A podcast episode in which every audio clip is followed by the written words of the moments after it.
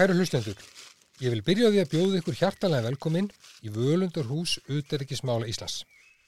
Í þessum hlaðarsþáttum er markmiðað miðila og ræða nýðustöður rannsókna um Uteríkistefnu Íslands. Þættirnir eru hluti af samstarfsverkefni Háskóla Íslands, rannsóknarsetum sem smáríki við háskólan og hlaðvarpi kjarnas og þeir liður í því að koma rannsóknum fræðimanna við háskólan á framfæri utan akademíunar. Í þessum þáttum verða rannsóknum mínar um auðvitaðriksmál Íslands til umræði. En ég heiti Baldur Þórhaldsson og er professor í stjórnmálafræði við Háskóla Íslands. Við höfum í fyrri þáttum fjallað um stöðu smáríkja í alþjóðsamfélaginu. Samskipti Íslands við nágrannarlöndin, Norðurlöndin og stórveldið Bandaríkin og þáttöku Íslands í samvinnu Evrópuríkja. Í þessum þætti er ætlun að fjalla um samskipti Íslands við Kína. Gestur okkar í völundarhúsinu í dag eru helstu sérfræðingar landsins í samskiptum Íslands og Kína. Þau Geir Sigursson, profesor í kímæskum fræðum og Snæfríður Grímsdóttir, aðjungt í kímæsku fræðum við Háskóla Íslands. Umfjöldlunin í þessum þætti mun byggja á rannsóknar niðurstöðum mínum og Snæfríðar um pólitísk, efnaðsleg og félagsleg samskipti Íslands og Kína á tímabilinu frá 1995 til dagsins í dag ásins 2021. Þegar liggja fyrir nokkra fræðigreinar sem býða byrtingar og þessari umfóngsmiklu rannsókn sem staði hefur frá því snemma á síðast ári. Einnig mun rannsóknarna setur úr smáreiki byrta skýslu um samskipti landana. Í rannsókninni eru samskipti landana skoðuð með sjónurhorni kenningarinnar um skjól. En hún hverður áum að lítil ríki eins og Ísland þurfi á pólitísku, efnaðslegu og samfélagslegu skjóli stærri ríkja og alþjóðastofnar að halda til að blómstra og verja hagsmunni sína í alþjóðasamfélaginu. Við komumst að þeirri niðurstöðu að samskipti Íslands og Kína með skipta niður í fjögur miskumunandi skeið og með langar að byggja snæfríði að gera í stuttumáli grein fyrir þessum fjórum tímabilum. Takk fyrir það. Fyrsta tímabilið er frá árinu 1995 til 2007 þegar Ríkisvöndar Íslands og Kína stuðla markvist að nánæra samskiptum með ríkjana. Tímabili hefst með opnun sendir ás Íslands í Peking árið 1995 og í kjölfarið fylgdu tíðar heimsóknir ráðumanna frá Londonum bæði til Reykjavíkur og til Peking. Tímabilinu líkur sér með því að Kína og Ísland sammalast um það að kanna möguleikan á frífuslinsamlingja með ríkjana og skrifa undir samkómalag þess efnis. Annað tímubili hefst í kjölfara efnahansfrundsins haustu 2008 þegar íslenski ráðamenn leita eftir skjóli kýmverkra stjórnvalda. Kína tekur ákvörun um að veita Íslandi pólitíst skjól, það er að segja diplomatískan stuðning innan alþjóða gældarísjóðsins og gerir gældmjörgarskiptarsamning við Ísland árið 2010. Ísland og Kína veittu sér hvort öðru stuðning á alþjóðavettangi, til dæmis lísti Kína yfir stuðningi sínum við Ísland þegar við sótum sættu sætinar öryggisra á saminuð þjóðana á tímbalinn 2009-2010 og sömu leiði stutti Ísland stórveldi þegar Kína óskaði eftir áhernar aðeld að Norrskjöldsræðinu. Kína veitti Íslandi einni efnahæslut skjól með tilkomi frífæslunarsamningsins árið 2013 sem tók gildi árið setna. Ísland var þannig fyrsta ríkið í Evrópu og fyrsta ríki Allandsafsbandalagsins til þess að skrifa undir fríhjálpsamning við Kína. Pólitísk og efnæðslega tengsl ríkjana höfðu aldrei verið meiri og höfðurauninni alla burði til þess að aukast enn frekar. Þriðja tímubili hefst séðan setni hluti ársins 2010 og stendur yfir til ársins 2017.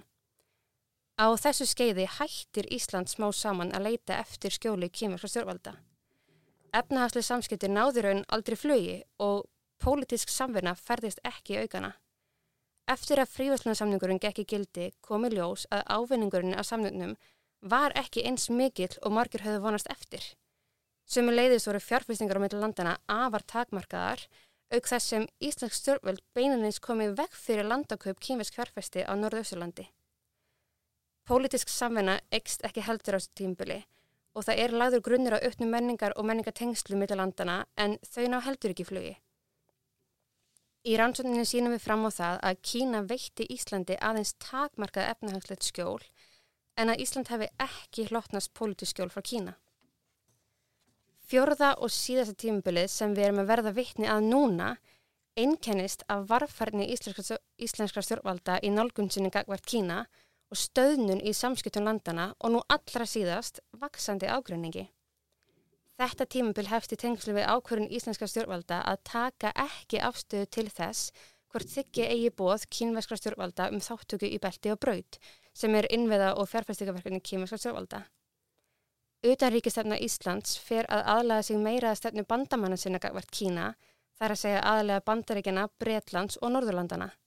Þannig hafa Íslands stjórnvöld breytt um stefnu gagvart Kína í kjölfar þrýstings frá bandaríkjunum og nú allra síðast hefur kastaði kekki millir Íslands og Kína. Í dag fylgir Ísland stefnu helstu bandamanna sinna gagvart Kína og leitar ekki lengur skjóls hjá kýmurskum stjórnvöldum. Takk fyrir þetta, Snæfríður. Mér langar að reyna að afmarka umfyllun okkar í dag við samskipti landana e, í tengslu við þessa sko þrjá þætti. E, samfélagslegt skjól, pólitísk skjól og efnaðslegt skjól. Og ef við leifum þá okkar aðeins núna að kafa dýbra ofan í niðurstöðuna og heyra hvað Geir hefur að segja um þetta. En fyrst Geir, þá langar við aðeins bara heyra frá þér hvernig þér kom fyrir sjónir þetta fyrsta tímabil sem við greinum frá því svona um 1995 til miðs ást 2008 þegar svona samskipti landana fara aukast sko pólutíst og samfélagslega hvernig kom þetta tímabil þér fyrir sjónir? Já, ég myndi segja að það tímabil hafi komið fyrir sjónir með mjög söpuðum hætti og var að eiga sér stað annar staðar í hinnum vestrána heiminga hvort Kína, það var sagt, mjög mikil spenna, mjög mikil, eh, svona, mikil áhugi, e, kannski sérstaklega held ég að um hafa verið að ræða á svona efna, eða áhuga á efnaðslegum ábata á e, því að tengjast Kína betur, þetta gríðalúur áhuga á þessum risastóra markaði sem að e, varu þetta að sko, opnast gagvart vesturheimi mjög mikið. Og svona einhvers konar sko, uppsöfnu þörf jafnvel e, frá hjá mörgum sem voru áhuga samir um, um kínabæði menningu, tungu og samfélag og sögu og, og fleira og hafði svona fram að þessum tíma náttúrulega verið svona frekar óaðgengilegt svona, fram til 1980 eða svo þá var Kína meira að minna loka land en auðvitað stort og mikið menningarsamfélag sem á sér gríðalega sögu og, og margir hér á Íslandi eh, mjög heitlaðir af Kína. Við náttúrulega höfum verið með starfandi kínversk-íslenska menningarfélagið alveg síðan 1953 eh, sem er reyndar eh, að því að ég held sko elsta starfandi sjá, hérna, sam, hérna, starfandi menningarfélag sko að milli Kína og annars lands. Þannig að það var mikill áhugi held ég á mjög mörgum sviðum og sérstaklega held ég að, að sko, almenningur og auðvitað fyrirtæki í landinu við séð svona, að það var í kannski einhverju möguleikar að, að koma ársinni vel fyrir borð í Kína og, og, og ná einhvern veginn að seilast inn á markaðin e, þannig að það var, það var þetta var svona spennandi tími. Og þegar við byrjum uh, með sko kínvæsku kennslu, þetta var 2006 um, fyrir, á Akureyri að, eh, að þá sko, var tekið mikið eftir þessu og hérna e, HÍ síndi þessu strax mjög mikið náhuga og vildi vera með í þessu, þessu frumkvöla starfi og, og hérna e, og við vorum með sko morgumverðar fundi þar sem að fyrirtæki tóku þátt og e, ég held að í fyrsta kynversku námskeiði sem við vorum með að þá skráði sig einhverju 40-50 manns fyrir norðan þannig að þetta var alveg, þetta var, var ofsalega mikil spenna í kringum með allt saman fróðilegt að heyra. Þetta er náttúrulega mynd á þeim, þeim tímabili sem sko Íslensk stjórnvöld fara að líta svona víðar um heiminn heldur en bara til Evrópu og, og Norður Amríku og, og setja upp einmitt, stopnasendir á því Peking, jú, jú. E, í Delhi og Indlandi mm. og, og svo í, í Tókíu. Já, já, kom ekki Delhi í setna. Jú, já, jú, þetta já. kemur síðar en þetta, svona, þetta kemur síðar á, á þessi svona tímabili þar sem við erum svona í í ákveðinu svona útrás Já, vissulega, og svo útrás náttúrulega átti eftir að magnast talsveit mikið eins og allir vita En sko á þessum tíma þá voru líka kínverðar mjög áfjáður um að, að styrkja sambandi. Þannig að þegar að leita var til kínverðska sendir á þessum einhverja aðstóð fyrir námið til dæmis sem að ég náttúrulega þekki kannski betur en aðra hluti að þá var, það var eh, hérna, mjög auðvelt að fá eh, góða og mikla aðstóð frá þeim og þeir senda okkur strax kínversku kennara og það var mikill bókakostur gefin og þetta gekk allt saman ótrúlega hratt fyrir sig og mikill velvili hvað þetta var það. En fannst þér kom frumkvæði eitthvað frekar hefan eða þaðan á auknum samskiptum eða var þetta bara svona, svona svipað heilt yfir eða? Já, þetta er góð spurning, sko, reyndar í þessu tiltekna tilviki þá kom frumkvæði frá okkur, það, þreyfingarnar komið fyrst frá okkur, en, en sko, en, en það var bara strax tekið það vel í það, að þetta var bara strax eh, svona einhvers konar samvinnu uh, hérna, verkefni. Og, og, og síðan voru margir aðrir bóðinir og búnir til að aðstó okkur með hitt og þetta.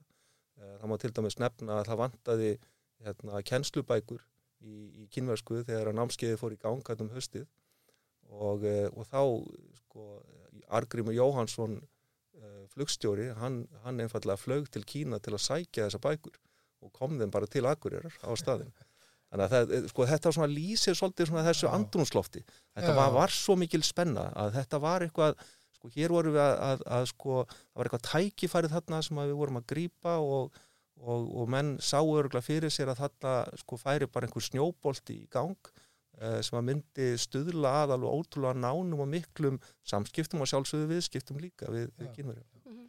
Þetta, þetta endurspyrður einmitt það, það sama kom fram með viðtölum í rannsókninni hjá okkur að eins og einn viðmælindi sagði að löndin í rauninu bara byði í byðröð eftir því að fá að búa til fríhúslandsamningu í Kína og skrifni samningu í Kína og við vildum fá að vera fyrst. Mm. að það er eins og það sé eins og segir spenna og bara svona ákveðu kapplöp í Evrópu að fá að taka þátt í því að sig og opnast.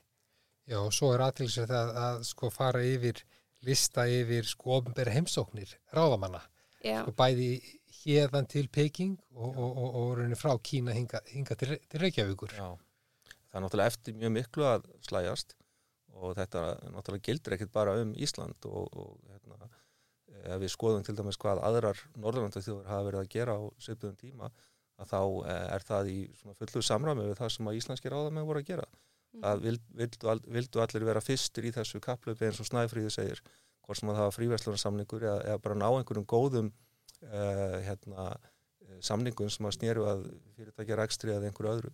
Mm. Að, að, að það var það sem að sko Var, þetta var svona aðal mót, svona mótorinn sko ég held að veri þetta, þetta efnagslega sko já, já, það sem grunnurinn er ofinberi heimsókn mm -hmm. Fossettans þá, Íslands já, 2005, já, til Þeirra. Kína mm -hmm. það sem grunnurinn er lagður að runni frívæslanarsamningun er svona fyrstu skrefin stígin eða einbrað á því Já, einmitt, já. Það, já, við skrefum til hér samningum það að, að hefja sagt, að kanna hvað þessi möguleiki að, að, að skrifundi frívæslanarsamning skrifum sem til annan 2006 og hefum séðan vinnuna í því að, að, að kanna svona, um, já, hver var ábætinn fyrir okkur og fyrir kynvera. Svo ef við, svo verða ákveðin þáttaskil þarna á haustugum 2008 já.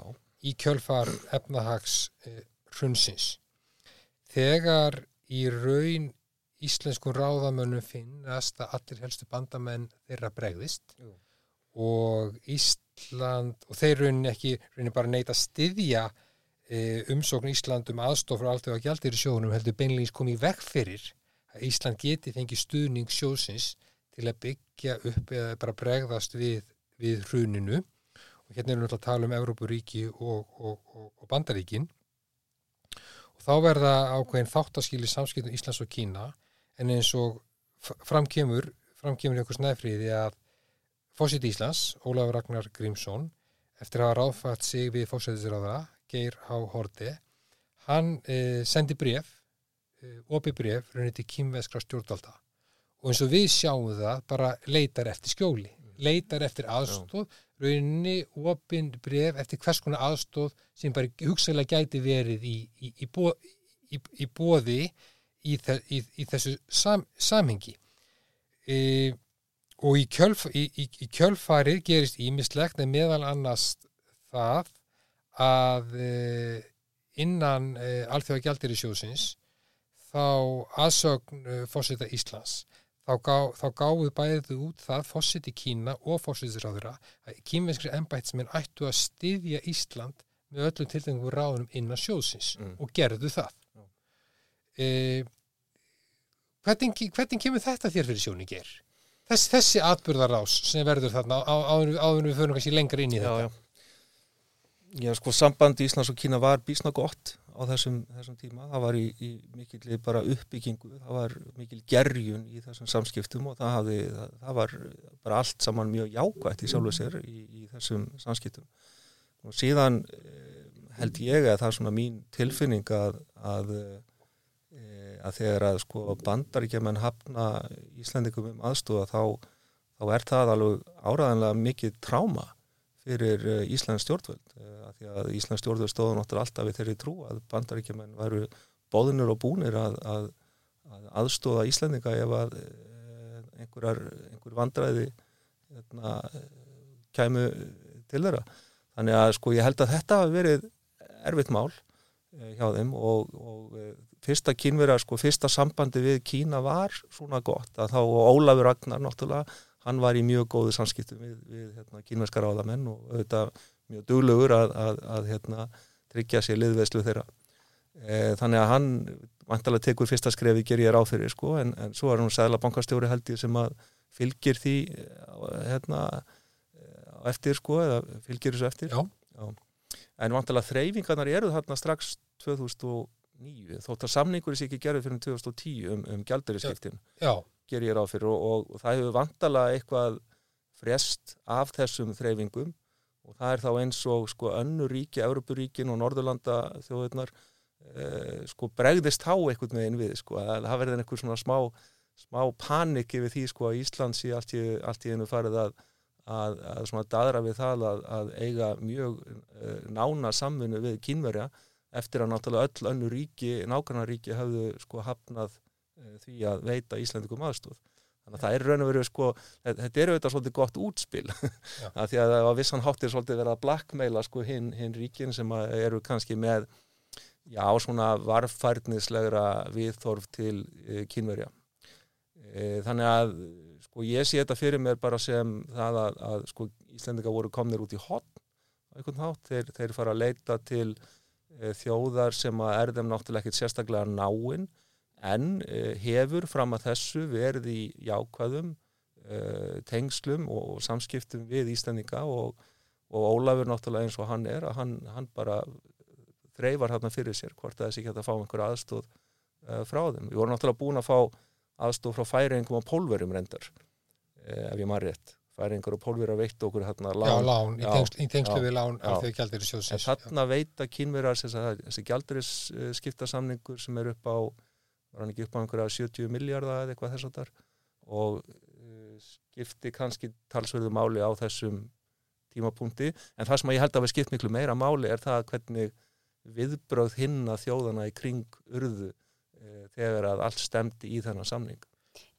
Já, ég held að það sé alveg rétt hjá þér og ég held einmitt að þetta hafi, ég held að hafi orðið aldrei stort einmitt í Brussel eins og, eins og okkur var sagt í, í viðtölum að það fyrsta sem að íslenski ráðamenn fengu að heyra þegar mættu á Brussel var hvað er þetta sem Ísland er að gera með Kína og af hverju eru samstýrun ykkur svona mikil og af hverju eru þau að, að, að vaksa svona, svona hratt? Og hérna og að koma einnig fram að um, stefna Kína hafi alltaf verið ofinbjörlega svo bara frá tímum Zedong að uh, mismuna ekki á milli stóra ríkja og smarra ríkja og það hafi verið það hafi, sko, tilfinningin hafi mjög mikil verið þannig innan uh, uh, allan á utryggisræðunitsins og, og, og fleiri ráðunautum og varandi hérna gældmennaskiptasamningin ég er alveg sammálaður ég held að aðal kannski ávinningurinn á samnum fyrir okkur uh, hafi mögulega verið sá eins og eins og uh, nokkru viðmælandur er mynd sögðu að kannski bara til þess að sína bandaríkinum að við, við getum samt alveg líka fundið vini annar staðar. Já. Sko, En, en það er eitt af þessu sem kemur út, út úr þessu þessari beðin íslenska stjórnvalda um aðstóð eða skjól er þessi gjaldmjöla skipta samningur fyrsti sinna tegunda sem kemur stjórnvöld gerðu við Erlend ríki en hann var nokkuð sérstakur, hann var ekki náttúrulega svona hefðbundi gjaldmiðla skiptasamningu þar sem við voru að skiptast á gjaldmiðlum mm. heldur fór það í sér að Íslendingar gáttu kift vöru og þjónustu frá Kína með íslenskum krónum. Já, og e, þessi gjaldmiðla skiptasamningur hefur verið endur nýjaður síðan þryggjára fresti frá þessum tíma hann hefur hins vegar aldrei verið virk, virkjaður en hann var eins og þú gerir nefnir, hann var mjög mikið var á þessu tímapunkti þegar skrifað er undir hann 2010 þá var ekki efnaðslega mikilvægur, þá var hann svo mikilvægur, hann ska, gaf Íslendingum ákveðin tröst og alþjóðavettangi en við vorum algjörlega rúin trösti á þessum tíma.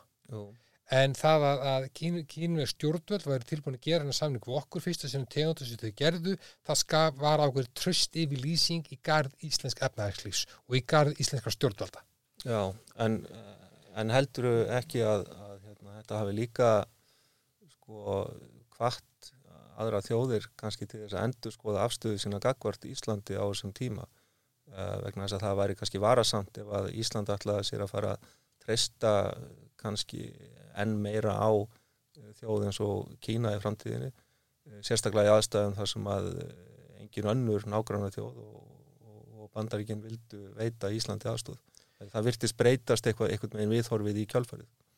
E, Já, svo, svo getur verið, en eiga síður, sko, innan gjald, e, alþjóða gjaldirisjósins, þá halda þessi svo kvöldu bandarlagsríki Íslands áfram að e, komi vekk fyrir að sjóðurinn veiti Íslandi aðstóð við hverja einustu endurskoðun aðstóðar, aðstóðarinn við Ísland e, og tengdu alltaf e, aðstóð við að við myndum lofa að borga upp kvöldu ICESK, æseskuldir. Mhm. Þannig að þó að, að sko til þess að kýmur stjórnvöld stuttu okkar, okkur innan alltíði gjaldirisjóðsins þá var það, sko, var það, var, voru það rauninni sjónamið Evrópuríkjana sem réðu för inn að sjóðsins Já. og það var aldrei fyrir en við lofuðum öllu fögru og að borga allt upp fyrir en að sjóðurinn veittu okkur, veittu okkur aðstóðina hvað, hvað, það, hvað það varðar en vissulega sko eins og voru að segja sko og Snæfríður, þú nefnir að það var alla vörum í Brussel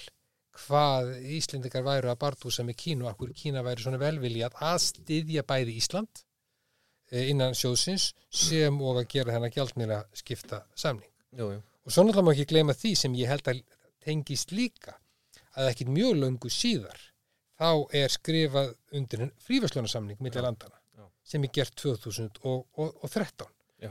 og það- það var eins og Snæfri fór yfir í upphafi fyrsti sinnar tegundar sem eh, Evróst, eh, Evróst ríki gerir við kynvesk stjórnvöld Passar. þannig að það var stór, unni stór áfangi ekki kannski bara fyrir Ísland og Kína heldur líka runni bara fyrir Evrópuríki, aldaríki NATO aldaríki e, e, ES Já, Hvers vegna heldur þú geir að kýmur stjórnvöld hafi verið vilju til þess að fara í þessa vegferð með Íslendingum? já, já, það er náttúrulega kannski einhverju leiti það sem að Snæfríður nefndi á þann að það hefur verið mjög sterk tilnefing hjá kynverum að, að gera ekki upp á milli þjóða eftir stærð sem að er uh, sko mjög ólíkt því sem að gildir almennt hjá uh, löndum í Östurasíu eins og Japan og Kóriu til dæmis að þau eru mjög upptekin af stærð þjóðar að vera að fara að gera eitthvað, eitthvað svona konkrétt með einhverjum öðrum. Uh, Kína hefur ekki gert það, það er svona frekar eins og við að sapna fánum uh, og uh, sko ég hygg nú samt sem áður að þessi fríverstanarsamningur sem að kynveri að gera þarna er svona meira einhvers konar pröfu samningur.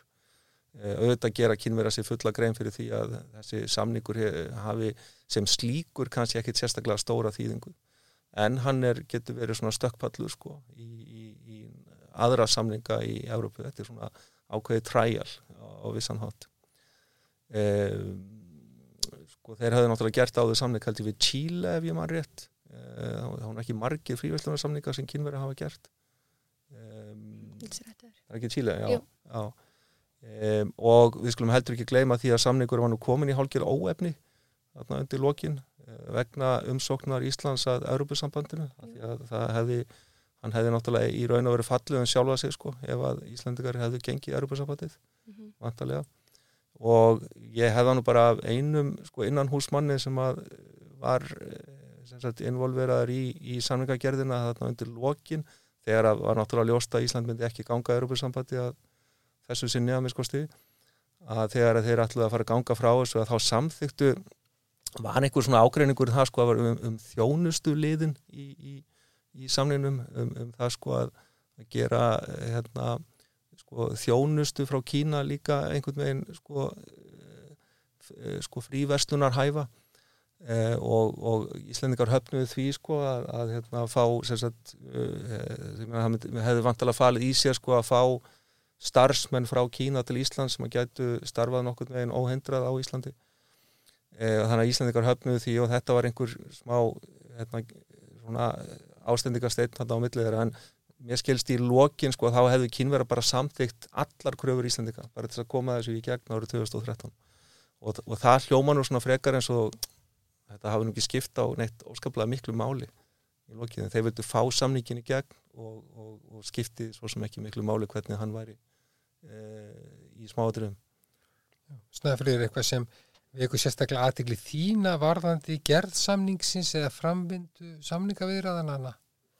Já, ég er alveg samanlega sem Geir var að segja að ég held að fyrir kynverja það hætti að verið mikilvægt vegna þess að uh, þeir vildu þetta var, var meira tilrunaverkefni þeir vildu fá að prófa sig áfram með þessa samningagerð uh, á litlu ríki með smerri stjórnsíslu áður en hún færi sér neyfir í stærri ríki og myndi vera semja kannski um enda stærri samninga um, fyrir Ísland var þetta auðvitað aðeins, þetta blastaðins eru við, við vildum fá þennan efnahagslega ávinning Tímarlust. en líka pólitískan þegar við vildum líka vera fyrsta ríkið til að skrifa undir en samning við Kína mm. þannig að fyrir okkur var þetta rauninni e, bæði pólitíst og efnahagslega mikilvægt e, en svo kemur á daginn síðar að um, í rauninni þá sagt, það voru ákveðum vonbrið með fríhjálpssamningin e, þegar lengra leið á e, reynslutímubili á sannunum e, ef við teglum þess bara dæmi ef það er í lægi að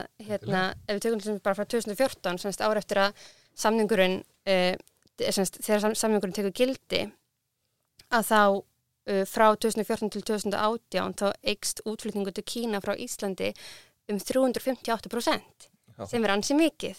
Og en, það hljómar mjög mikið. Já, uh, já hann, hann kom 80-90% frá sjáurútveginum en það sem er aðtilsvægt við þetta er að uh, samt sem áður þá var þetta í rauninu bara 2,6% af heldar útflutningi landsins árið 2018 þannig að í því samhengi þá er þetta samt sem áður ekki mikið. Og ef við tek annað dæmi að þá innflutningurinn frá Kína uh, semst við gildistöku samningin þá er hann 7,4% og árið 2020 er hann bara komin upp í 8,4% sem er samt bara 1%, það er bara 1% aukning mm. og um, það sem að allavega nokkuð baldri ef ég fæ að svona, tala fyrir baldur að það sem okkur fannst uh, mjög áhugavert við þetta og það sem að allavega er hluti semst, við reyndum að greina ástæðinu fyrir þessu og okkur fannst aðtilsvert að það virðist vera svona rauður þráður í samskiptunum í Íslands og Kína um að það sé kannski að, til þess að um, fara að stað með eitthvað verkefni og vilja til þess að halda áfram samskiptunum en síðan kemur allt í einu bara að, að þinn tímpundi að við komast ekki lengra með samskiptin. Já. og þáttur af því er einfallega smæði landsins. Og ef ég fæði að taka annað dæmi að þá til dæmis ég held áfram með innflutningin um, við erum, vi erum annars vegar með eitt af starsta hagkerri í heimi og hins vegar með eitt af minsta og auðvuslega eru fyrirtæki í Kína mun stærri heldur en mörg hver hér á Íslandi. Þegar að íslensk fyrirtæki sem fá, fá að flytja inn frá Kína þá setja kýmursku fyrirtækin ákveðna kröfur um magn á íslensku fyrirtækin ja. og fyrirtækin hérna heima hafa í rauninni ekki tök á því að flytja inn það mikið og þar á leðindi kemur þetta stopp og við náum ekki að taka samskiptin lengra um, og enn og aftur 2008 með skrifumundir auka bókun við fríðslandsamningin varandi ylfuttingar lampakjöti, útfluttingar lampakjöti segja e, við sendum ekki út lampakjöt fyrir en tveimur árum setna eftir bókununa og það er bara eitt fyrirtæki sem hefur sendt út lampakjöt Já, Já sko það sko, fríverslunarsamningurinn e, hann hefur ekki eins mikil eins og þetta segja e, áhrif á viðskipti í millilandana eins og maður hefur vonast eftir. Hann vissulega sko fellur undir það að eða það að Ísland, þetta litla markasvæði, fáið aðgang á svona stóru markaði e, innan skjólskenningarinn okkar, tölum við um njótnað á skjólstarri markaðar, Já. en eigi að síður þá eru umfang viðskipta landana ennþá mjög lítið. Samaborið við þau umfangsmiklu viðskipti sem Ísland á við önnur Evrópuríki og síðan Norður Amríku, þá engum, engum e, bandaríkin. Og rauninni vil tala sömur í viðskiptalífinu um að þetta allir þeim vonbröðum að, að, að það hef ekki aukist enn frekar viðskiptin á milli, milli landana. Já, það er alveg skiljanlegt. En það er alveg áræðanlega sóknarfæri þarna, sko, sem Mhm. eru bara vannýtt að einhverju leiti. Uh, en síðan held ég að þetta sé ekkit endilega í ósamra með við sko, reynslu annara þjóða uh, að sko, annarkvort það að magnið sem þarf uh, til að viðskiptin gangi upp sé- er bara hreinlega of mikið. En, en svo er það líka bara flókið og erfitt kannski að vera í viðskiptatengslu við kynverja. Þetta er bara mjög ólík uh, hefð uh, sem við erum að fást við og, uh, og, og sko hlutinni ganga ekkit endilega fyrir sig eins og vesturlandabúar eru vanir og það getur bara hreinlega stuðað fólk, finnst það bara óþægilegt. Ég Þetta er náttúrulega alþekkt í, í veröldinni að sko þessi draumur um það að, að ætla sér að verða forríkur á því að selja hverjum kynverja sko tannstöngul þú veist, og þá þarftu bara ekki að gera það sem eftir er. En þetta er bara miklu, miklu erfiðara sko, og miklu flóknara heldur en, eh, heldur en maður gerir sér grein fyrir. Og, og svo var líka mjög aðtilsvært ef við snæfriði fórum að skoða sko fjárfestingar uh, milli Já, landana snæfriður sko, þú fer bara stutt, stutt yfir það sem er kannski ekki mikið að segja sko. já, það eru líka bara mjög takmarkaðar og í rauninni er, eru uh, beina fjárfestingar frá Íslandi í Kína meiri heldur en hér, heldur en að fjárfestingar kínvera hér á Íslandi sem að eru þetta líka kannski skilanlegt en þess að við erum með, með mjög stranga löggjöf utan um elenda fjárfestingar hérna heima. En um, það er í rauninni já, það, það kemur svolítið á óvart að við sem að fjárfesta meira í Kína heldur en með, með, með, sko, með við stærðina á löndunum. Algjörlega. Já, já fjárfestingarsamningar sko eru ekki hluti af fríðislegu samningnum Nei, Nei. það lúta, lúta náttúrulega öðrum, öðrum lögumálum og það var bara rauninni þegar við vorum að grannskoða þetta erfitt að finna e, finna bara beinar fjárfestingar kínvesk, kínverja eða kínveskra fyrirtækja hér á, á landi. Ykkur eru þó óbeinar en það eru mjög takmarkaðar. já, einhverjur eru óbeinir einhvern fyrirtæki í Svíþjóð en jáfnvel sko Sælabankin gefur það út að, að þeir, semst, Sælabankin gefur ekki upp upplýsingar um fjárfestingan kemur á Íslandi því að það eru það fáar að það væri svo auðvöld að reykja til einstaklinga og það gefur bara hugmynd um hversu fáar það virkilega eru. Það er ekki grundatangi, er hann ekki einn af þeim? Er það, er það kannski eitt af þessum óbeinu Um, keiftu fyrirtæki í, í Nóri eða Svíþjóð? Jú, einmitt, sko, það er þannig. Já, einhvern veginn þannig sko. Þannig, já, já. En sko umfang þessara fjárfestinga er, er í rauninni bara mjög takmarkað. einmitt. Það er sko og hefur ekkit mjög mikið að segja í rauninni fyrir efnahag Íslands Nei. eða rauninni rauninni sko eða þannig eða þau eða fjárfestingar hafi hér einhver áhrif, veruleg áhrif hér á landi hvort sem það er efnahagslega eða pólitíst. Nei, það er eins og með minni sko að þetta hafi líka verið einn ástendingarsteinin sko í fríverslunarsamninum að, að kynvera vildu fá einhver ákvæði sko um, um fjárfestingar sem að Íslandingar höfnuðu Já, já, já. og það, þess vegna hafi þetta tafist enn meira sko. Og svo kannski ef við skoðum hennar síðasta þátt í umfyllun okkar um sko hugsanlegt sko skjól Kína, að veri skjól í Kína, það er bóð kínveska stjórnvalda eh, 2018 ef ég mann rétt um að taka þátt í belti og braut. Já, Þessu stóra verkefni Kína raun út um allan heim og kannski snæfrið bara, þú ferð aðeins bara östut yfir þá, þá, sko, þá, þá sögu. Já, kynver að bjóða okkur sem taka þátt í belti og brauð 2018 eins og, eins og Baldur nefndi. Uh, og við rauninni við svörum aldrei bóðinu og höfum enn ekki svara bóðinu og við uh, auðvitað rannsökuðum hvernig stendi á því og það komu nokkrar um, ástæður fyrir því, útskýringar á því sem ég vildi meina að það var þess að það er í rauninni bara engin fjárfestika svona verkefni sem veru verðugt til þess að fjárfesta í Nei. hérna á Íslandi getnum verkefnið. Uh, aðri meina að sé vegna uh, þrýstinga frá bandaríkjunum þrýsting frá bandaríkjunum að taka ekki þátt í belt og braut. Um, en svo eru líka aðri sem segja að uh, hinga til hafa Norðurlandaríkin ekki samþitt bóðum beltabraut og þess vegna viljum við aðeins um, kannski taka með af því hvað þau munu að gera í framtíðinni. En það er annað sem ég fannst líka mjög áhugavert sem kom fram í viðtölum að það er að Ísland og Kína fram að þessum, þessum tímubili, þetta er enþá í rauninni þriðja tímubilið í rannsókninu okkar upp að þriðja tímubilinu til 2018 áður en, áður en þeir bjóða okkur að taka þátt.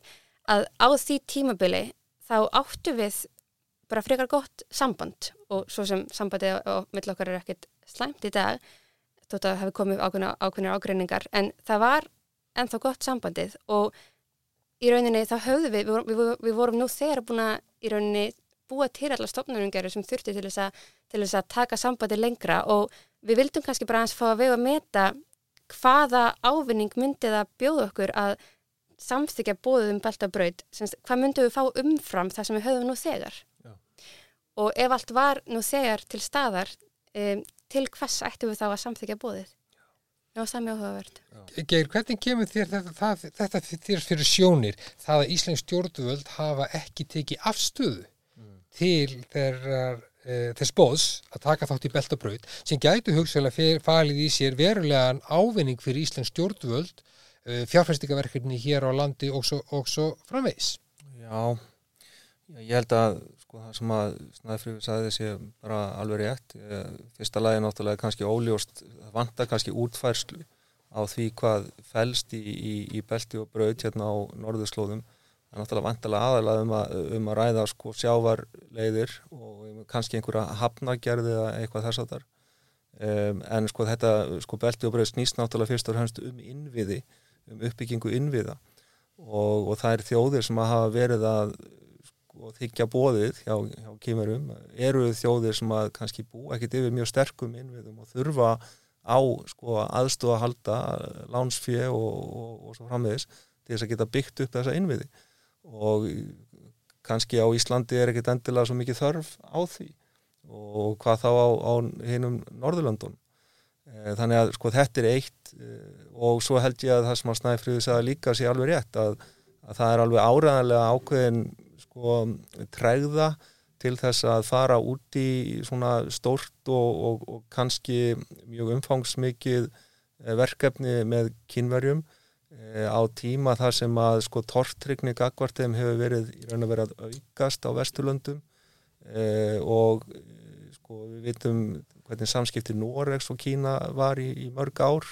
Kynverja refsuðu normunum fyrir að, að veita uh, hérna, ljósi á búa Nobelsvelunin, friðavelun Nobels á 2010 og um, e, og raun og veru sko þá eru normer ennþá að súpa segið af því. Og, og þetta hefur náttúrulega sko þetta hefur svona varpað kannski ákveðinu skugga sko á kynfæri að þeir skildu sko taka þennan pól í hæðina og fara út í einhverja svona refsiðaðgeri þannig að fólk eru orðið miklu varkára held ég almennt talað. Og, og, og svo er náttúrulega alls konar sögur sem að ganga um belti og bröð líka það er um, um skuldsetningu þjóða gagvart kynverum sem að e, sem að lítur ekkit alltaf allt og vel út reynlega e, kynverar fjármagna yfirleitt þessi verkefni þeir fá e, sko kynverska verkamenn til þess að standa að uppbyggingunni og, og síðan skuldar viðkomandi þjóð kynverum fyrir e, viðvikið. E, og, og eitna, sumarþjóður hafa lendi ákunnu krökkum vegna þessa. Þannig að þannig að það er ekkit skrítið að fólk svona aðeins staldri við og, og svona hugsi máli hvort þetta sé raunverulega uh, góð ákvörun að fara út í þetta samstarf. En, en ég held nú reynda sko að það vanti útfærstuna, að ég held að hún sé bara ekki til staðar, það, það þyrti að minnskosti að býða eftir að, að sko kynverar þá stingju upp á því sko hvað, hvað, hvað eigi að gerast í þessu verkefni hér á, á Norðurslunum og ég hef ekki séð að það sé, hafi verið lagt til ennþá, það getur ósað vel verið en, en Já, við bara vitum ekki að því Allan að ofnbjörlega hafa kynverjar ekki tjáðsug um hvaða verkinu væru, væru hérna, svona, myndi hugnast þeim fyrir bælt og braut hér á landi. Nei. en auðvitað hefur komið upp í fjölmjölum svona getgóttur um það mögulega væri finna fjárhöfn uh, hérna, efni í slíkt verkefni. En það er rauninni ekkert sem að, jú og svo voru ykkur blikur á loftu um það þegar hann hérna, hann jú búið fjárfæstir vildi fá fjárfæst á grimstöðum og fjöllum Já, það er áhugavert að skuli nefna það því að frá, þanga til nýlega sem við kannski fyrir nú bara alveg í nútímanu bara eftir Þa, þar til nýlega var, var það eina sem, sem Íslandingar hafði horn í síðu aukina samskipta Íslands við Kína það voru fjárfestingar kynverja hér á landi Já. sem komur náttúrulega e, bersinlega ljós þegar Núbó reyndi að, að kaupa grímstaði á, á fjöllum og um það örðu mikil skoðanaskipti í samfélaginu. Mjög umdelt og var síðan endalega stoppað af, af dómsmála ráþara sem síndur unni hvað fjárfestingar útlending og Íslandi er alltaf viðkvæmt mál. Já. kannski sérstaklega fjár, fjárfestir e, kínverja sem sumir voru að tengja við kínverð stjórnvöld. Og það er kannski beint komið fram nákvæmlega að, að svo, hafi, svo hafi verið og margir íu að því eins og segir snæðfrýður þarna verður uppbygging hugsaðlegar hafnar í finnafyrði sem gæti orðið umskipunarhöfn fyrir siglingaleið þegar hún opnað svona betur mm -hmm. e, á, á, á, á, norð, á norðurslóðum. Hann líka gaf það út sjálfur að hann væri að horfa til framtíðar að þess vegna væri þetta svo gott að tækifæri. Já. Já, og þannig er náttúrulega í beltabraut ferlast náttúrulega sko fjárfæstingaverkefni e, að hluta til kannski með beinu fjárfæstingum er líka lánum kynverðið og hér á landi og það kannski hafa Íslandikar hortni síðu. Ég held að þetta getur skipt máli en, en ekki síður held ég að komi síðan til það að við tökum ekki afstöðu til bóðsins en þá. Það er þrýstingu frá bandarækjastjórn Já. og mér finnst það að koma eitt skýrast fram þegar uh, varafósiti bandarækjana uh, gengur út af fundi með íslensku auðverkisráþurunum það sem Beltubraut var til umræðu og hann tilkynni það að Íslendingar ætli sér Já. ekki að taka þátt í Já, Beltubraut þetta var mjög dulafull Sem- sem var bara rán Já, já. það, það, það, var bara- það, hann var bara skrökva. Hann var ekki að segja, segja satt og það var síðan leðrið strax af, af íslensku stjórnvöldum. En eins og sumir hafa bent á sko og velt fyrir sér hvort að þetta var ekki sagt að ásettur á því Já, það kann vel að vera sko. Já, og skilabóðin til íslenska stjórnvalda hafi einfallega verið hingaðu ekki lengra Já, er í, í samskiptum ykkar við Kína. En það náttúrulega sko er belti og braut er, er viðleikni kynverja til þess að uh, sko tryggja að þeir geta verið óháðir öðrum stórveldum í heiminum hvað varðar flutningaleiðir og það náttúrulega fyrst og fremst Bandaríkin og, uh, og, og hins vegar líka Rúsland. Þannig að, að sko belti og braut er verkefni sem að gengur út á það að, að tryggja hagsmunni kynverja í, uh, í heiminum. Það er bara einfallega það sem það er. Þannig að þetta er, þetta er ágreiningur hreitn og beitn ágreiningur náttúrulega við, við bandaríkin og, og svona að, kannski takmark, takmarkaðra leiti við, við Rúsland því að, að, því að breyt felur í sér einmitt sko flutningaleiði gegnum Kazakstan og, og, og löndin suður af Rúslandi þannig að þau þurfu ekki að treysta á Sýbríur hæðlistina lengur og, velvilja rúsa það er náttúrulega hérna, samskipti Kína og Rúsland hafa, hafa alltaf verið stað á bröðhóttum og sko maður upplifir líka eitthvað neginn sko að íslenskum ráðamönnum þykir þetta bóð kynveskra stjórnvaldum þáttöku beltubreit óþægilegt. Já, sko, sko að því að þeir, þeir vilja ekki sko segja, segja nei, Nei. Það, þá gætu kynvera fyrst við. Akkurat. Eh, og það sé verið að setja svona stöðun á, á framgang samskipta landana Já. og ef þau segja já, þá verður allt vittlis í einmitt. Nákvæmlega sko, þannig að það er best að þegja bara. Já, og þetta er svona stundum sem talaður um sko annað kannski en skjólskenningin að lítil ríki reynir sko að fela sig. Já, já, Það reynir sko bara að Já, fela sig undir, skrýður undir borð og, og lætur ekki heyra í já, sér. já. það er líka bara mjög Já, tilvikum. þegar kemur, kemur að þessu og svarar ekki bóðinu sko. Já, já svarar ekki, bó- svarar ekki en, bóðinu. en ég held líka sko að þessi, sko, þessi, norra, eða þessi norðurslóða þáttur í belti og braut, ég held að hann sé tiltulla svona, svona tiltulla nýtilkomin eh, sko í, í kerfið sko, belti og braut á sér einhverja 7-8 ára sögu að minnsta kosti örgulega lengri sögu, það örgulega verið eh, hérna, sko, lagt á ráðin um þetta miklu fyrr en er tilkynnt ef ég maður rétt 2013 var ekki bara Xi 2012 Jinping? held ég það. eða 12, var það Xi Jinping Já, sjálfur sem að tilkynnti þetta, já, einmitt sko þannig að þetta eru 8-9 ári eitthvað svo leiði sko. Og náttúrulega ótrúlega mikið útfært sko þegar við tölum um, um sko austur og, og mið-Asju það er náttúrulega alveg ótrúlega hvað hefur verið gert nú þegar og, og þetta í Afríku líka sem að er hluti af þessu. Eh, þar sem að kynveri hafa náttúrulega sko, mjög gott aðgengi að, að þjóðunum.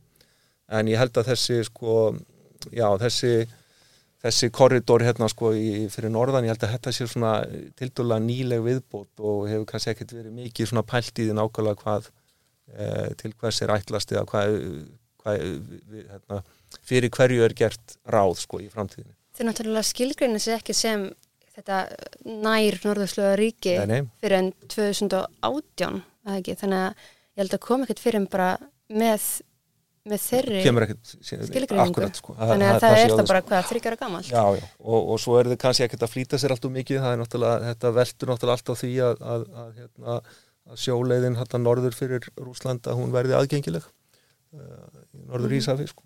Og það er nú kannski ekkert alveg að gerast uh, á morgun Nei, nákvæmlega, og það er líka annað með það að þótt að, þótt að, sko, það, þótt að leiðin veri greið, það þýðir það ekki um sig greið allan á sér ring. Nei.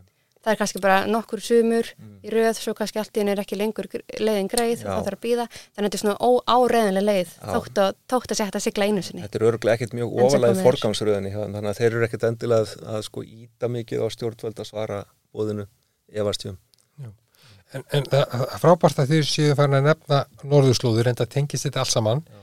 því að sko ef við flytjum okkur svona formlega eins úr umfjöllunni um svona hugstæðilegt efnaðarslegt skjól yfir í sko pólitíska skjólið Já. og allt tengist eins og ég sagði áður þá er sko við byrjum það bara á norðurslóðunum þá var mjög aðtiklisvert að þegar eins og Snæfyrir nefndi upphafi að þegar Ísland sóttist eftir sæti í öryggis á saminu þjóðana og kosiður um það á haustöfum 2008 Já. þá lísti Kína yfir stuðningi við frambúð Íslands Mm. og það er ekki algengt að svona stórríki eða stórveldi lýsa endilega yfir stuðningi við einstök svona lítil ríki og e, á svipuðum tíma þá voru Íslen, Íslensk stjórnvöld, stjórnvöld mjög öduðu talsmenn þess að kynverjar fengu áherna aðild að norðursköldsráðinu Já. og lögðu sér til þessi fram um það að reyna að miðla málum milli Noregs og Íslands, nei Noregs og Kína já, já. Noregs og Kína út af deilunum sem varst að nef, nef, nefna geir til þess að fá normenn til þess að hætta að beita neitunumvaldi í norðursköldsráðinu til þess að kynverja gætu fengið sko áhörnaraðild. Þannig Íslensk stjórnvöld lögðu verulega mikið á sig að tala fyrir áhörnaraðild í, í Kína. E, og þannig erum við að tala um svona, svona diplomatíkt skjól eða diplomatíkt stuðning landana við hvert annað sem á sér stað og tímabili sem svona, við greinum sem svona hápunkt í samskiptum ríkjana. Snæfríður, já. Getur sagt okkur eitthvað meirum þetta, eitthvað sem við Já, það bara eins og þú segir að við hérna, ég held að hafi verið ég held að hafi verið okkur mikilvægt líka að hafa Kína eh, innan Norðurskjöldsráðsins líka upp á bara kannski að hafa fleiri kannski bandamenn. Einmitt, sko, ba- bandamenn þannig að við höfum Íslensk stjórnvöld það verður reikið þá stefnu sko á norðurslóðum að ekkert eitt stórveldi verði það ráðandi heldur að þeir sko, þau eru allir að koma að sama ákvarðanum tökuborðinu það sé tekna sameiginlega ákvarðanir og hvert og eitt stórveldi fær ekki bara að fara sínu fram. Þannig við vilja sko frekar hafa fleiri gerundur við ákvarðanum tökuborðið. Einmitt, en svo er þetta líka, ég meina, sko Kína fær áhörðnar hérna, statusinn 2013 uh, og þetta er á svipum tíma og við erum í fríhúsnavirðan við Kína. Þannig að það var líka í okkar hag að reyna að hafa sambandi mjög gott eins og þess að nefna hérna áðan að þeir ákveða að samþykja allt ja. sem við lögum fram fyrir samningin við vildum, við vildum stuðla að reglulega góðu sambandi á milli ríkjana og þetta var held ég líka þáttur af því Já, ég með þykja mjög líklegt. Þetta hafi verið liður í því að, að reyna að hafa alla góða til þess að ná góðum, góðri lendingu í, í fríverslunarsamlingunum. Og auðvitað kannski áttu kynverður einhvern veginn hang upp í bakið á okkur eh, eftir hérna, gjal, gjaldiris skiptarsamningin að einhverju leiti. Eh, Sam, samskiptin voru mjög góð á, á þessum tíma, þau voru kannski bara svona í ákveðnum hápunkti sko, myndi ég að halda og svo varu þetta líka á þessum tíma með skjáttlast ekki á þessum tíma þá voru í burðaliðnum alls konar uh, samstarf á sviði hérna, rannsókna á norðurslóðum og, og hérna, hinn og þessar stopnarnir sem voru var komið á fót svona einhvers konar samstarfstofnanir eh, milli Íslands og, og Kína. Eh, samstarfið hérna, Polar, Polar Research Institute of China og, og eh, ég kannu bara ekki nefna öll þessi hérna, samtök sem voru sett á stofn en þau eru náttúrulega nokkur og, og, það voru það var talsvert um vísindamenn frá Íslandi sem voru að fara til Kína á þessum tíma og, og ég held að sko það samstarf hafi nú bara verið nokkuð frjótt. Já, ef, ef, ef Já, við komum kannski já, aðeins einmitt já. inn á það eftir undir sko þessu samfélagslegu samskiptum sko, alveg rétt, þetta gerist á sama tíma. Það er bara því að ég tengi þetta við Já. norðurslóðuna sérstaklega Já, sko. akkurat, það er, nefnilega algjörlega það og það er það sem hefur kannski samstarlandana sviði vísinda náð sem lengst sko, náð sem lengst. En það er þetta á þessum hápunkti samskiptanina frá svona haustugum 2008 fram til 15, 16, kannski 17 2015, 16, 17 þegar við sko leitum eftir að, aðstóð kynveskra stjórnvalda þeir aðstóð okkur inn alþjóða gjaldirisjósins þeir gera við okkur alþjóða gjaldmila skiptasamning það er skrifað upp á fríverslunarsamningum milli landana þeir stíða okkur, okkar frambóð til öryggisráðsins við stíðum áherna að þeirra í norðurskautsráðinu. Við göngum inn í fjárfestingabanka verðum stopnendur Já, að fjárfestingabanka Asíu Passar. 2015, 16, 17 eitthvað svo þetta er að gerast á þessum, Já. þessum árum. Já, erum stopnendur stopnendur, já, stopnendur Já. þannig að þetta er svona hápunkt eins og við greinum það í okkar skýslu svona hápunktur uh, tímabil þegar sem hápunkturum er náð í samskiptum uh, landana og við greinum raunin líka þess að við vorum að tala um áðan hennar stuðning kínverja við okkur innan alþjóða gjaldirisjósins sko rauninni sem meira sem sko diplomatak stuðnings heldur en efnaðaslegan hann var ekki mynd efnaðaslegur og í rauninni meira sem stuðningurinn eða þessi gjaldmila skipta samningur hann er rauninni eins og við nefndum áðan sko yfirlýsingum tröst Já. hann er rauninni líka svona óbent svona diplomatik stund, svona pólitísk yfirlýsing. Við Já. tröstum ykkur. Já, já, við getum gert samninga við ykkur. Frekar en það hafa hann engin rauninni ekki svona beina efnaðaslegar ávinning fyrir Ísland nema að skapa tröst sem er kannski grunnur efnahagnum en þetta er alveg sko ekki síður þess að það er flokku við þetta undir ákveði svona pólitíst skjól. Mm.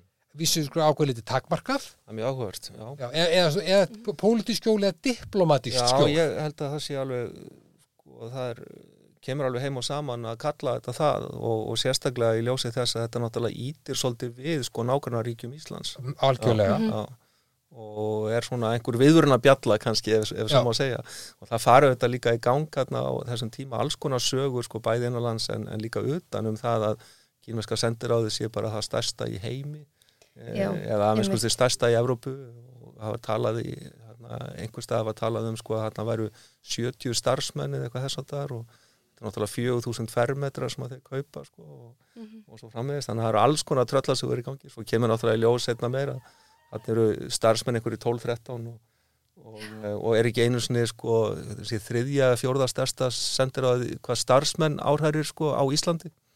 Og eftir, eftir Bandaríkjónum og eftir Rúslandi og eftir einhverjum einum öðrum eh, Þískalandi jafnvel. Þannig að þetta voru svona eh, sko alls konar eh, svona tortrygnisögur sko um það að, að Ísland væri bara að ganga Kína á hönd En ímyndaður, það er semst, í bara hvað særu þriðja og fjóra sæti yfir semst, þar sendir Já. það þrátt fyrir það að samskiptin hafi verið svona ótrúlega uh, frjóa á þessu tímubili. En það er það sem sko, sko til dæmis e, diplomatar annara ríkja hér á landi voru alltaf að fylgjast með þessari, þessum samskiptum sem við erum búin að vera að fara yfir á þessum tímabili, taka þetta saman, senda skýslur heim og þetta vakti upp spurningar, eins og við erum að segja, í sko höfuborgum annara samstagsríkja Íslands, jú, jú. hv- hvað Íslands, Íslands stjórnvöld kynfi stjórnvöld væri að fara, í hvað leiðangri, í hvað leiðangri væru þau. En áður við kannski komum að þessu svona síðasta tímabili eftir 2017 átján þá langar mig að fara hans núna inn í þetta sem við köllum sko þetta samfélagslega skjól Já. sem byggir á því að lítið samfélög þurfa e, að tryggja það að nýjustu ströymur og stefnur e, berist inn fyrir landsteinana. Jú. Þau þurfum að tryggja að nýjustu takn og vísindi fari yfir landamærin. Sko menningarlega, e, mentalega og, og vísindarlega ef ég má, ef ég má orða það, það þannig. Og e, sko, við skoðum í þessari skýslu sko vísindasamstarf, menningar og mentasamskipti landana e, og veltum fyrir okkur að hvaða markirauninni Ísland er að sækjast eftir þessu nýjustu strömmum og stefnum frá Kína, nýjustu taknum á vísindum eða eins konar samfélagslegu skjóli ef maður orða þessu svo. Sko, hva- hvernig, eh, hvernig blasir þetta við þér, Geir? Já, sko, ég er fulltrúi Íslands í hérna, stjórn uh, Nordic Center Fudan uh, sem að er, er samtök Norrætna háskóla sem að eiga uh, fallegt húsnæði á, á bara campus Fudan háskóla í Shanghai sem að er nú svona eh, vanlega talin meðal sko takja þryggju bestu háskóla í Kína og svona frjálslindustu háskóla og mikið vísindarsamfélag og og þar hef ég verið uh, mikið að reyna að fá sagt, vísindamenn hér við Háskóla Íslands til þess að reyna að taka þátt í þessu starfi einhvern veginn sem að myndi þá fela í sér að komast í kynni beinlýnins við kínverska vísinda og fræðumenn uh, og, og sérstaklega hefði ég haft áhuga því að kynna undir kannski samvinnu á sviði raunvísta en það virðist mjög erfitt. Það hefur bara ekkert gengið eftir. Það virðist ekki vera mikill áhugi fyrir því að, að komast í þessi, þessi kynni. Þannig að svona, mér sýnist að það, það er nokkuð augljóst að, að það sé ekki lögð mikil áhersla á það meðal íslenskara fræðimanna að kynna sér nýjastu tækni og vísindi eh, frá kynverum. Aðrilsir, þá kannski sneffur það sem kom fram í viðtölum hjá okkur við kynves, kynveska embættismenn. Já, þetta endur speklar algjörlega það sem að e, í rauninni niðurstöður okkar sína sem er í rauninni það að um, sko í fyrsta lagi að þá erum við ekki með ja, marga vísindamenn eins og kynver að geta, geta búið okkur. Já. en í öðru lagi þá virðist vera svona ákveðin allan að træða innan þessa samfélags um að deila gögnum og upplýsingum sín á milli. Og þar á leiðandi sko vegna þess, vegna þess að træðu og líka vegna fjölda eða ekki fjölda e, vísindamanna þá gengur illa í rauninni að halda áfram með sambandið. Já. eða samstarfið segi ég. Um, hérna og eru lægi kannski farið til Kárhól Já, já, já, bara Kárhól sem dæmi að þá semst, þessu komið á koppin 2018 það að vera að gera rannsónir hana og það er að vera, skýslur, álega skýslur alltaf gefnar út. Eh, enn sem komið er, er ekki til skýsla eh, rannsóknar eru örlítið byrjaða, það átt að vera skipting af fræðumönum átt, átt að vera að fara á milli Kína og, og Íslands. Eh, það átt að byrja þegar COVID Já, kom og þá byrjaði það ekki Hvað rannsóknir eru verið að stunda þá? Uh, það eru mjög marg þettar uh, og það er svolítið um, nor norðurslöða, norðurljósa rannsóknir. Já, En hérna, og, og fyrstu rannsóknir eru byrjar, það eru, eru að byrjuna stigum, en þess, þetta vísinda samstarf sem átt að vera svo mikið, það hefur rauninni aldrei og ekki ennþá í rauninni byrjað. Fremur árum setna. Já, það sem, það sem, það sem við rauninni, sko, þegar við förum að kortlækja þetta, þá er skrifað undir mikið af samstarfsamningum, margar stopnari hér á landi eða, eða háskólar eða stopnari skrifa undir samstarfsamninga við kýmesku stjórnvöld. Það er, það er svona byrjað á einhverju skonar samvinnu, en þetta nær eiginlega aldrei flugi. Þetta eh, þróast ekki í umfásmikil hvorki stúdenta en í vísindasamskipti og það sem kom með fram í, viðræðum okkar við kýmenska embættismenn var það að þeim finnst því að sko, íslenska vís, vísindasamfélagi vera oflítið Já, já. sem kannski kemur, eh, kemur kannski Já. ekki óvart með við það stóra vísindasamfélag sem er að finna í Kína þannig að, að þeim vantar einfallega tengiliði hér, hér inn Já, já. til rauninu sem þú ert að segja Já. með fútan kemur, Jú, jú. kemur alveg inn, inn, á, inn á þetta Já, já, já, já, þetta er alveg satt. Það hafa þó einhverjir uh, íslenskir uh, fræðumenn sko verið, verið við þessar kínversku stofnanir og, og, og, og stunda þar vísindu og fræði í einhver ár en, en þetta eru náttúrulega frekar fáir aðilar Já.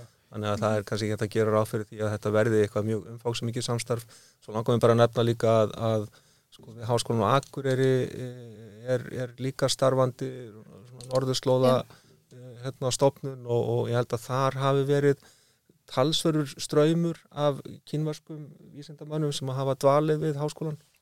Já, já, þá mögum við heldur ekki sko gleyma því að það er, hefur verið heilmikið samstarf og kannski engum sér í lagi varandi jarð þetta. algjörlega. og jarðhita rannsóknir Já, og þar hafa enga fyrirtæki komið stert, stert, því. stert inn. Þar hafa verið heilmingi sko, rannsóknir þar sem og líka um á, á, á norðurslóðum á norðurslóðum.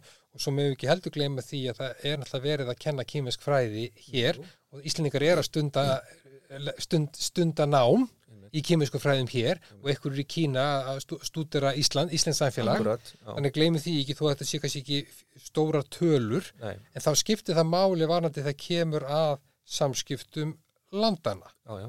en svona þessi menn, mentasamskipti samt og vísindasamskipti eru aftur einu svona hverfandi miðað við umfang vísind og mentasamstarf við önnur já, eða bara bandaríki Norður Ameríku já, já. Þannig að e, við, og við verðum alltaf að geta búið þetta saman til átt okkur á, á umfanginu já. og svo ef við skoðum bara sko mentasamskiptin, em, eitthvað menningarsamskiptin þá eru þau ekki mjög mikið, þau, þau eru klárlega e- eitthvað sko og bara svona hefðbundin eh, menningarsamskipti sem eru á milli ríkja sem kannski langt er á milli. Akkurat, já, akkurat. Það, þetta eru þetta mjög, það er langt á millið þeirra, það er nákvæmlega máli, ég held að þetta snúist fyrst og fremst um það og, og fólk veit bara valla sko hvað það á að byrja einhvern veginn í Mhm. samskiptu sínu við, Mhm. við Kína. Eh, Þetta liggur ekkit svona beint við eins og að vera í einhverjum menta og menningarsamskiptu við Svíþjóð eða, eða Danmörku eða Bretland sem að, sem að liggja okkur bara mjög nærri. Þannig að, að þetta er viss, vissulega framandi og þótt að séu alltaf einhverjir förðu fuglar sem að hafa mikinn áhuga á, á hérna, framandi samfélögum að þá eru þeir kannski í minni hluta og, og það hafa nú heldur ekkert verið sko einhver mörg hundruð sko sem hafa verið að stunda kínvesk fræði hérna. En ég er náttúrulega sko þreytist ekkert á að benda á að við, við þurfum ekkert að hafa mörg hundruð. Við þurfum bara að hafa nokkra aðila sem að við getum synt vel hérna við, eh, hérna við, við Háskóla Íslands til dæmis í, í kínvesku fræðum vegna þess að það, það er gríðarlega mikilvægt fyrir uh, Ísland í framtíðinu að búa yfir sérfræðingum sem að hafa uh, sæmilega góðan skilning á uh, Kína, á menningu Kína og á þeim hugsunahætti eða því gildismati sem að það er við líði og hugsanlega sko að þeirri stefnu sem að þeir er eftir að fylgja í framtíðinu. Það skiptir, skiptir öllu máli. Komum við kannski aðeins inn á konfúsíusastofnunina á, Já. eftir, en mér langar bara að nefna svo ég gleymi því ekki að svo komu, sem tengist líka vísindum og kannski efnaðasmálum, en ekki síður vísindasamstarfi eða rannsóknum, að það að, að kýmvest fyrirtæki komu hér að ólíuleit. Það var sko norsk og kýmvest fyrirtæki sem koma hér á ólíuleit, þessum Íslendingar einfallega hafi ekki þekkingu til Akkurat. Mhm. þegar við vorum, stóðum í olíuleit fyrir, fyrir nokkur, nokkrum árum og það skal ekki vannmeta það og svo kom ekkit út úr þessari leit og þá datta, datta, datta, datta upp Það fyrir. var ekki leifið dreigð tilbaka líka. Og... Jú, Jú, þegar- skiluðu leyfinu eftir, eftir um- niðurstöður, eftir svona frumniðurstöður, eftir Já, Það var ekki venlega til áringus. en þarna var klárlega og þetta er, þessum, þetta er líka á þessum hápunktu okkar samskipta við Kína, þannig að þeir voru að koma inn á mjög, mjög mörgum stöðum og aftur vaktið aðtegli eru kýmverjar að fara að leita olíu aðstofa Íslendinga við olíuleit? Já, skilur það, það, það er, það er aðtilsvert Mhm. eitt, eitt og sér. Já, og lögðu sér áherslu á það að þú ekki kemur út í því. En var þetta konfessíusastofnunina við, við aðeins sko, einmitt skoðum, skoðum hana í við teng, tengslu við sko uh, uh, samstarfið og samvinnu við, við Kína uh, út frá þessum strömmum og, og, og, og stefnum. En konfessíusastofnunina hafa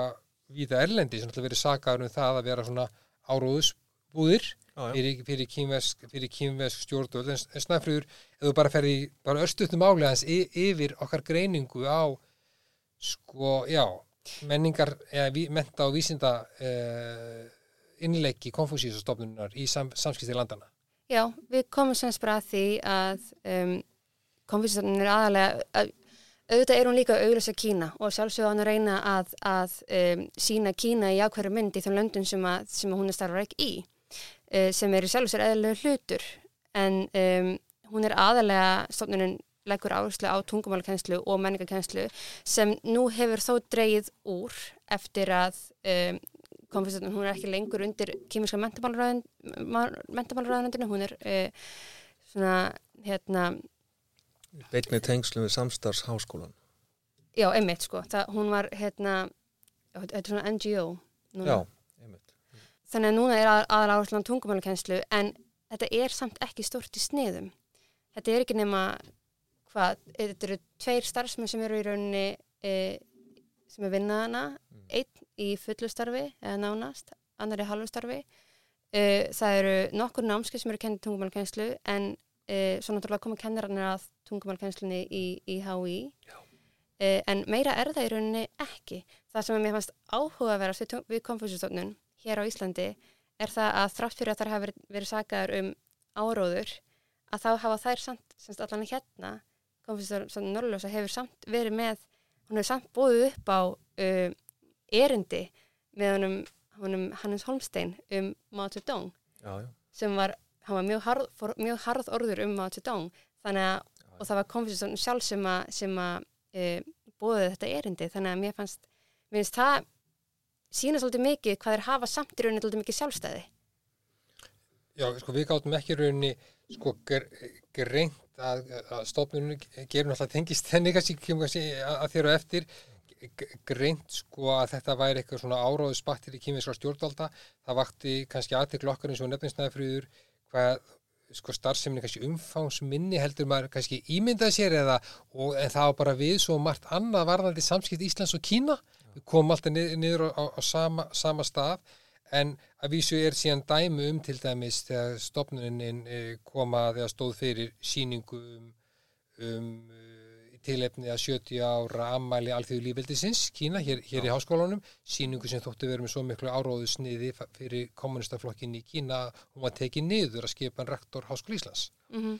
Sko, en, en við komum líka eftir, við tölvið þó nokkru aðila að e, það sé kannski hægt að greina þannig að kínveski starfsmyndstofnunarinnar hafa e, hagsmunni kannski e, Kína að leiðaljósi stundum í þeirra vinnu og vilja sérstaklega að Kína Eh, líti vel út í augum Íslendinga og stuðli þá að því mm -hmm. en e, það e, gáttu við ekki séð í rauninni starf sem Íslendinga við stopnununa ef við drögum þetta svona saman sem við, við, við sjáum Ger, hvað segir þú nú um þetta okkar greiningu á stofnuninni? Já, hvað höfum við marga klukkutíma?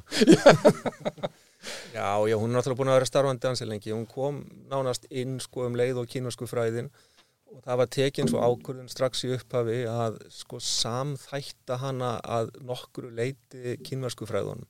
Þannig að sko það hefur ekki verið þessi spenna á milli konfúsísastofnunarnar og námsleðarnar eins og er mjög víða. Eh, og sko á, ein ástæðan fyrir því að, að, að sko stofnunum, að þessum toga hafi verið lokað hér og þar er ekki endilega eitthvað pólitíst heldur einfallega að sko hún þvælist fyrir eh, námsleiðinni sem að er þegar til staðar við háskólan. Þannig var þetta til dæmis í Stokkólmi. Eh, fyrsta konfúsísarstofnun í Európu var sett á lakirnar í, í Stokkólmi og starfaði lengi. En, en sko þeir voru bara í beitni samkeppni við kynverskufræðin innan háskólans. Það voru þeir með kvöldnámskeið á meðan sko kynverskufræðin áttala bara með sín hefbundu námskeið við háskólan. Og endanum að þá var þetta bara orðið ómögulegt. Eh, það var, það var sko orðinir miklu færri nefendur og, og þess að þar Þannig á endanum var bara tekinn svo ákvörðunan lokunni. Var, þessu var sko sleið upp sem einhvers konar sko svíjar væru á móti hérna, konfúsírstofnum vegna þess að það voru áriðustofnunar. Ég þekki mjög vel sko fyrirrandi fórstuðumann, þetta kom því ekkit, ekkit við. Þetta var einfallega óheppilegt að, að reka þetta með þessum hætti, það var ekki nægilega stór markaður einlega fyrir þetta. Eh, hjá okkur hefur þetta verið þannig að, að við nýtum starfskrafta konfúsírastofnunar í tungumálukenslu og bara tungumálukenslu. Það er að segja að við höfum verið mjög ákveðinni því að einskorða aðkomu uh, kynvæskra gestakennara sem að koma hérna á vegum stofnurinnar við það að kenna tungumál og ekkit annað.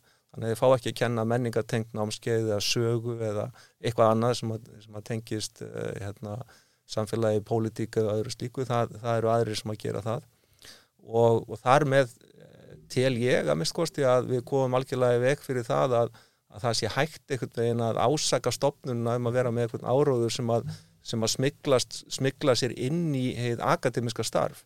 Að sjálfsögðu ég veit óskum vel að, að, að hérna, kínværsku kennarar eh, eiga eftir að segja eitthvað sem að eh, eitthvað jákvætt um, um Kína og þess að það sem er bara óskum beðlegt. Ég held að hérna, kennara frá Þískalandi sem að kenna Þísku segja alveg örglega eitthvað, já kannski ekki frá Þískalandi þeir segja kannski ekki eitthvað jákvæmt um Þískaland, kannski þetta var vond dæmi en frakkar eða ítalir ég, og svo hef ég til dæmis verið með kennara frá Tævan sko, sem hefur verið stundakennari frá okkur og, og hún hefur náttúrulega verið með sinn áróður kannski innan, innan tungumvara námskeiðsinn sko.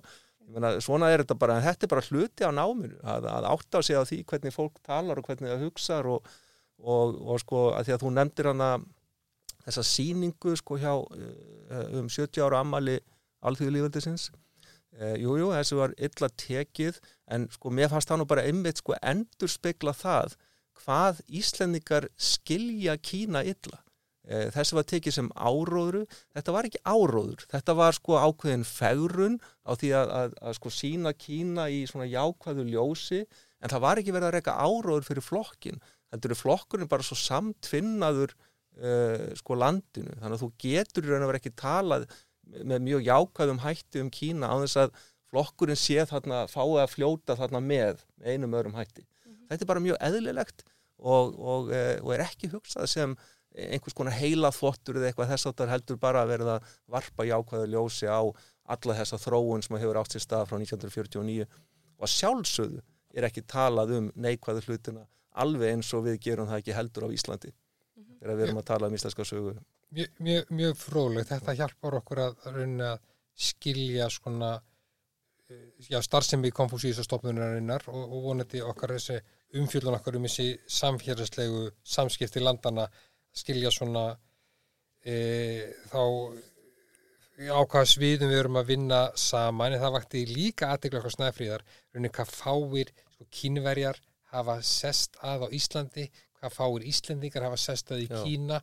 Rauninni hvað eru lítið um eins og ég nefndi áðan, sko fræðimannaskipti stúdendaskipti Já. það hefur vissi sko, það hefur stórfjölga túristum, kínverðskum sko ferðamönnum á Íslandi, en samt sem áður þeir voru voru, voru, voru 100.000 2019 fyrir hrun. En það er sko miklu miklu færra, færri heldur en koma frá Breitlandi, Þískalandi og og, og, og bandaríkjunum hverju einu þessu, þessu landi þannig að það fer alltaf eftir hvað maður ber sama við. Við vorum sko með sko undir 700.000 ferðarmenn frá bandaríkjunum 2018. Já, já, mótu 100.000 ferðarmennum frá Kína. Einmitt. Já, akkurát, sko, já, já. Það sínir, sínir umfangin, sko, þegar, já. En það var núna í, í loki, það langar mig aðeins að færi verið þetta síðasta tímabil. Sko, sem verið að byrja þetta svona um 2018, cirka til dagsins í dag, þegar við greinum sem svo að ekki bara er Íslands stjórnvöld klárlega hægt að leita eftir skjóli eða stuðningi kýminska stjórnvalda það er að fara að kastast í kekki já, já. á milli e, ríkjana og það er alveg ný staða. Ný staða allt frá því, því, frá því tíma sem við byrjum að skoða samstíði landana frá 1995 e, og það er rauninu nokkuð sko merkilegt. Og við greinum það þannig að það sé engum sérlægi vegna rauninni sko alþjóðleira svona deinla bandarækja og Kína Já. og síðan þrýstings bandaríska stjórnvalda á Íslands stjórnvald að láta staðun um í samskiptu landana Já. Já, það er mjög líklegt Það, það, það, það er, er mjög líklegt að við séum að láta undan einhverjum þrýstingi frá bandaríkjónum hvað þetta varðar eh, og það er eh, sko ég sem svona kínafræðingur ég tek eftir því bara hvernig það er fjallað um Kína í fjölmiðlum.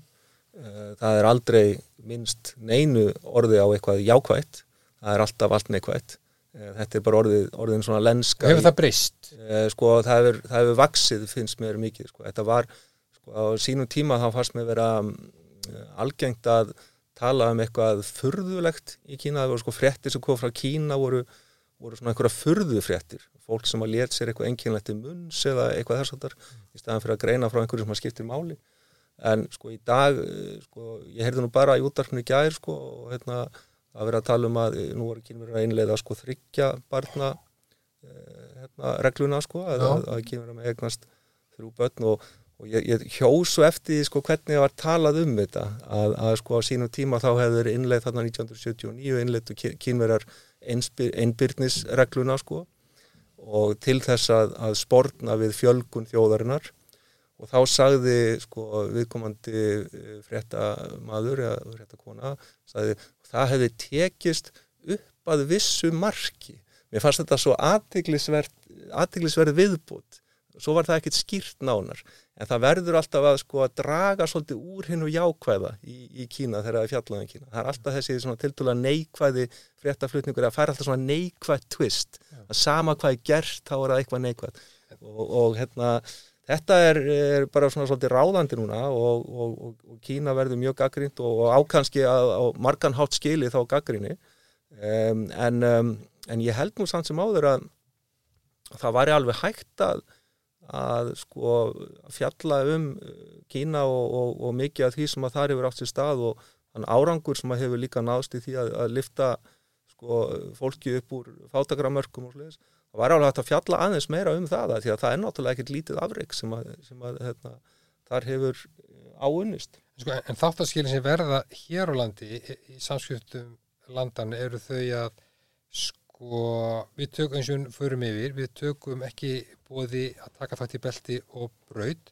Mm -hmm. Nú hefur sangöngu ráð þar að lagt fyrir frumvarp og alþingi sem takmarka verulega mögulega, e, mögulega fjarskipta að fjarskipta fyrirtæki í Kína Já. geti starfað hér á landi frumvarp sem liggur fyrir eh, alþingi það, lig, það liggja líka fyrir, fyrir tillögur um að stakka öryggisvæði á norðu-austurlandi í kringum Finnafjörð mm -hmm. sem hugsanlega gætu eftirvill verið, verið tengt e, e, hugsanlegum kaupum kynverja mm. á Finnafjörði eða uppbyggingu hafnar í finna, finna, finna, Finnafjörði þannig það er eins og verið að setja sko kynverjum ákveðin stóli fyrir, dit, fyrir, fyrir dittnar ja. og fyrir utan þetta þá hafa Íslands stjórnvöld okkur virðist í vaksandi mæli tekið þátt í yfirlýsingum bæði í, í mannrindaráðu saminu þjóðana e, tengslu við mannrindaborót Kína e, á, á eigin borg, á borgurum. Og núna síð, allra síðast þá tökum við þátt í þvinguna aðgerðum vestu, vestulandana í gagvart Kína.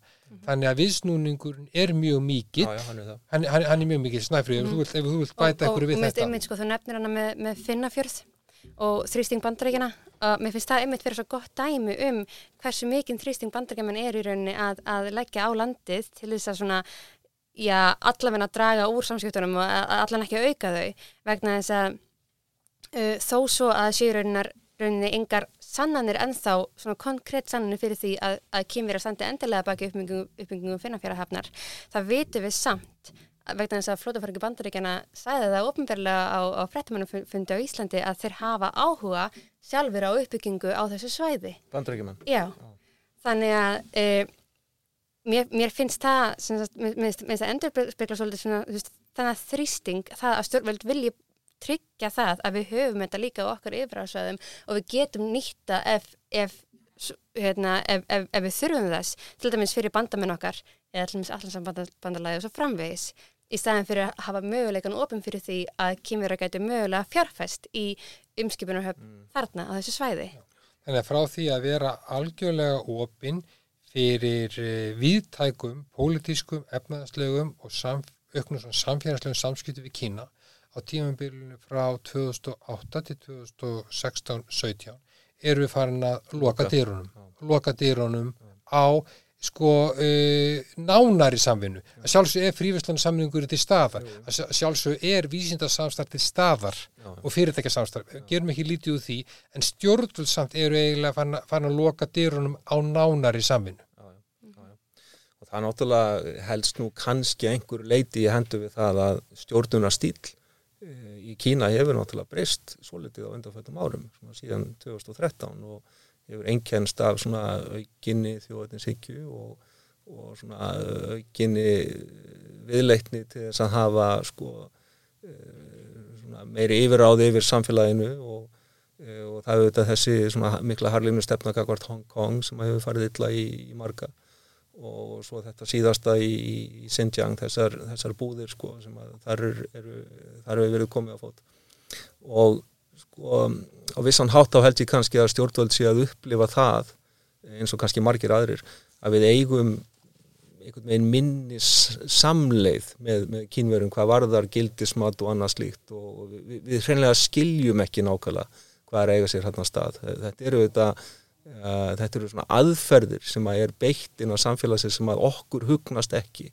Uh, vennilegum kynverja finnst þetta ekkit óæðilegt uh, sem að þarna er að gerast en, en þetta er ekki eitthvað sem að samræmist svona okkar menningalega gildismatti og ég held að þessna sé bara meiri tort, tortrygni og jafnvel meiri ótti við það að fara í of náið samstarfi kynveri og sérstaklega ef það er eitthvað sem að á sér stað hér á landi og felur í sig fjárfestingar og, og annað slíkt og, og það á kannski líka við um belti og braut. Eh, þannig að sko ég er ekkert hissa á þessu og, og það, það er alveg skiljanlegt að, að við leitum frekar eh, til samstarfs við þjóðir sem að við þekkjum bara einfallega miklu betur eh, eins og bandaríkjumenn og sjálfsögur Norðurlöndin. Eh, þannig að þetta er ekkert, er sem að kemur eitt sérstaklega á óvart í sjálfu sér. Við ekki að láta þetta verða loka orð e, þáttarins? Ég heldur að það er náða að e, draga þetta sko vel saman í lokin en við erum ekki bara að tala um aukna sko samkeppni stórveldana, annars vegar bandaríkjana og hins vegar Kína, heldur líka ákveðna stefnubreitingu í, í Kína sem gerir það verkum að, e, að það verður meiri tregða að vera í nánum samskiptum við, við kýmur stjórnvöld heldunum var til staðar á. En, en sko við þetta mánu samt sem hafa bæta að það, þetta getur náttúrulega aftur breyst. Við getum bara verið að horfa upp á eitthvað ákveði tímanbíl í, í Kína sem að getur síðan breyst aftur tilbaka. Eh, þannig að það er alls ekkert lokuð fyrir það sko. Ég menna ég held að það sé bara mjög líklegt í, í framtíðinu sko að við höfum eftir að sjá jafnvel aukna opnun aftur og, og, einmitt, einmitt. og, og vilja til þess að, að, svona, að, að ná einhvers konar millilendingu sko við getum haldið já, lengi áfram. já, já, en, en, en sko það er svo gott að þú segir þetta því þá er rauninni svona loka nýðustáðar okkar snæfyrir ymmið svo að íslensk og kýmur stjórnvöld þau hafa skapað eh, ramma fyrir það að íslensk stjórnvöld geti leitað eftir pólutísku efnaðslu skjóli Kína ef, þurf, ef við þurfum á því að halda. Þessi, þessi, þessi, raun, þessi raun, þetta skjól var rauninni ekki til staðar, undurstöðu skjólsins voru ekki til staðar fyrir 2008 en á tíumbölun frá 2008 til 2017 eru búinu til skjólsvekkir sem við getum uh, leit, le, uh, já, leita skjóls hjá ef að aðrir bregðast. Akkurat, og það er mikilvægt að hafa allan að þennan búið við þessu möguleika en, en þá er ég sko bara bætaði við að það er gríðarlega, bara endur taka þess að ég sagði á, það gríðarlega mikilvægt að hafa yfir að ráða fólki sem að getur lesið í Kína og getur átti að segja því sem að það er eiga sér stað og hvernig best einfallega sé að, að e, ja, eiga í samskiptu við kínverða. Mm -hmm. Þannig að það komi Íslandi sér best. Mm -hmm.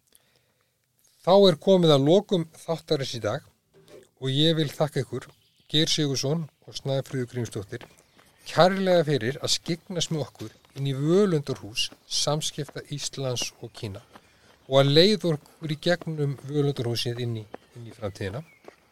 Í næsta þætti, síðasta þættinum í þessari þáttaröð, verður fjallað um hvernig Ísland tryggir best hagsmunni sína í samfélagi þjóðana í framtíðinni. Verðið sæl.